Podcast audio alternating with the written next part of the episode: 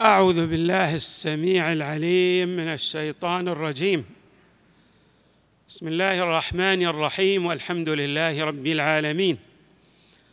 والصلاة والسلام على أشرف الخلق سيدنا ونبينا محمد وآله أجمعين الطيبين الطاهرين.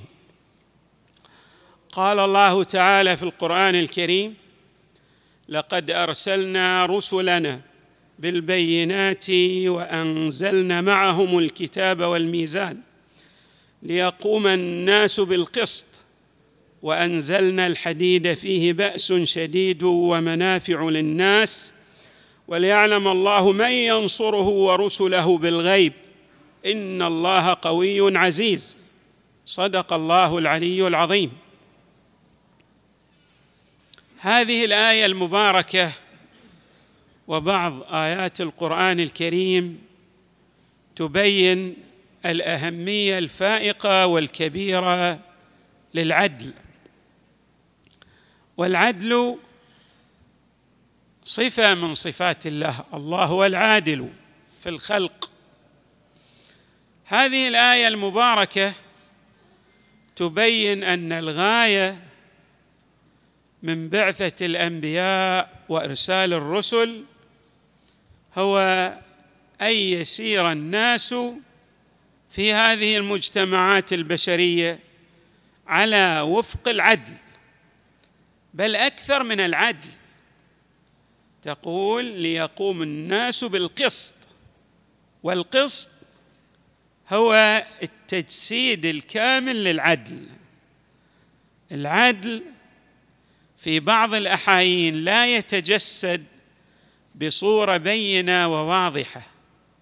الآية تفصح عن المعنى الدقيق والعميق للعدل بأن الغاية من إرسال الرسل وبعثة الأنبياء أن يتجسد العدل بنحو عملي في مسار الإنسانية.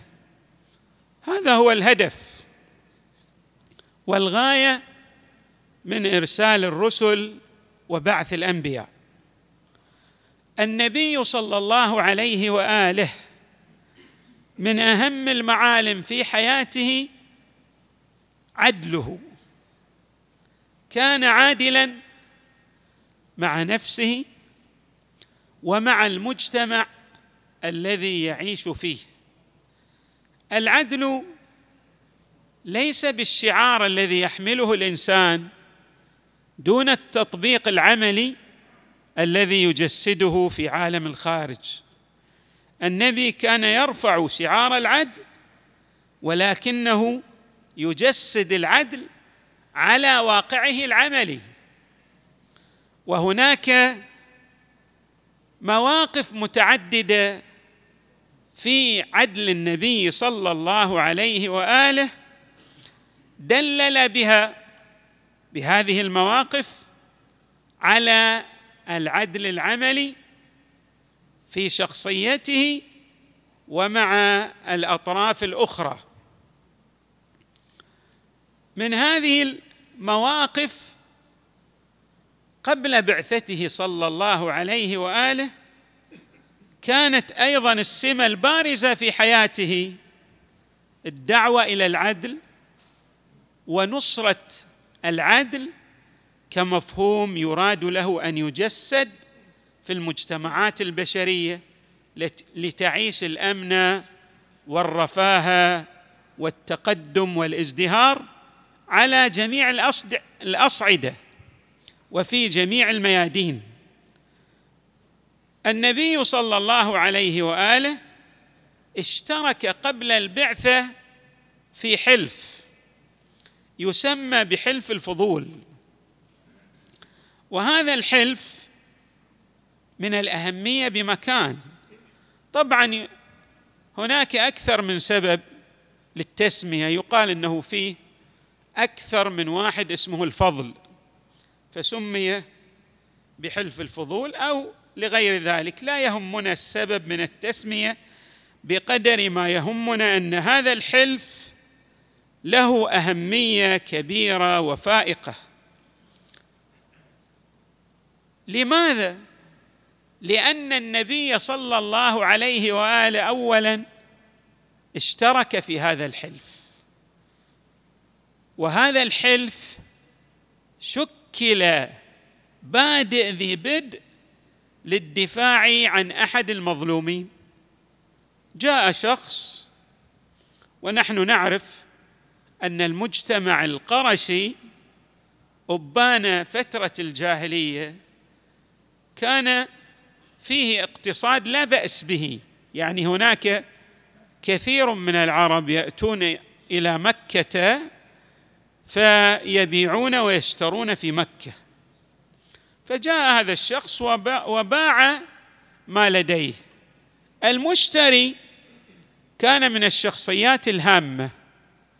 ولكنه لم يدفع الثمن إلى البائع وأراد أن لا يدفع الثمن. فهذا صار ينادي في المجتمع القرشي ويريد أن يأخذ ثمن السلعة التي باعها لذلك الشخص المتمكن.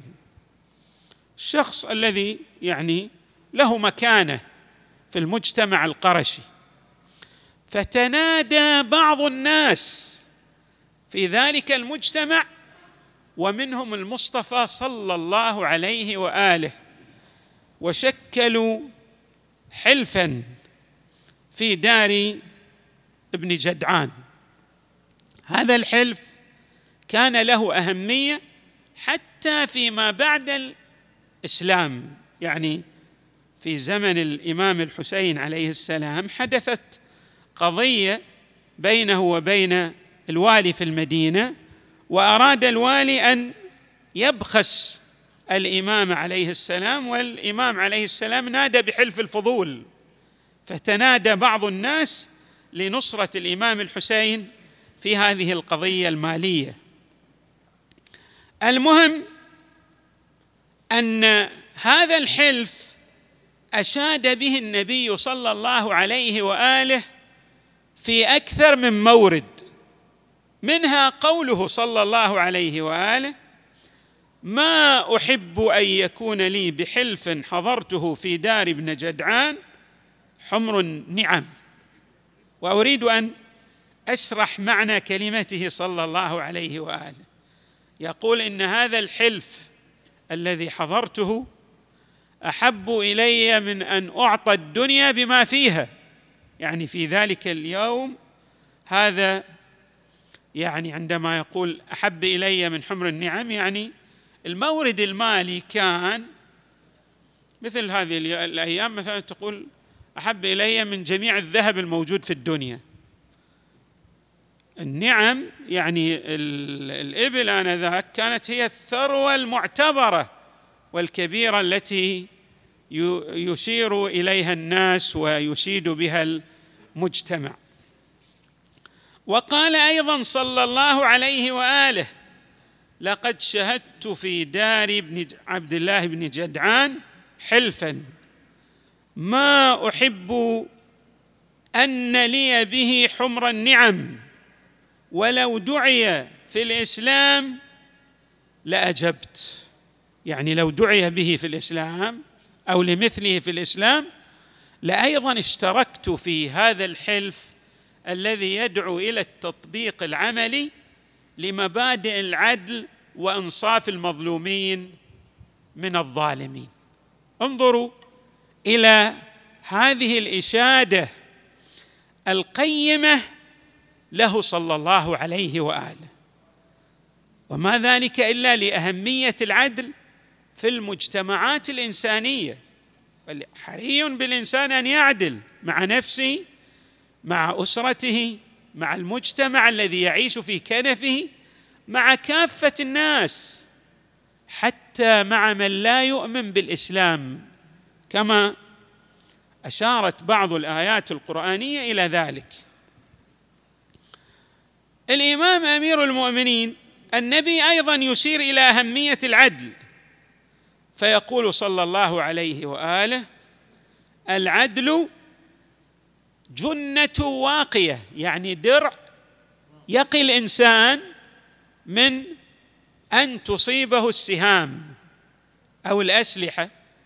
لباس يرتديه الإنسان وإذا ارتداه الإنسان أمن المكاره. و, و ثم يقول صلى الله عليه وآله وجنة باقية. يعني إذا أردت أن تتبوأ المكانه عند الله تبارك وتعالى في عوالم الغيب عليك أن تطبق مبادئ العدل على ذاتك وفي تعاملاتك مع غيرك. هكذا يقول صلى الله عليه وآله وورد عن علي عليه السلام قوله العدل أساس به قوام العالم. هو الأساس. الركيزة الهامة في المجتمعات البشرية العدل. وحتى إذا ترون بعض التقدم في الغرب على الصعيد المادي يرجع هذا التقدم إلى بسط شيء من العدل في المجتمعات الغربية.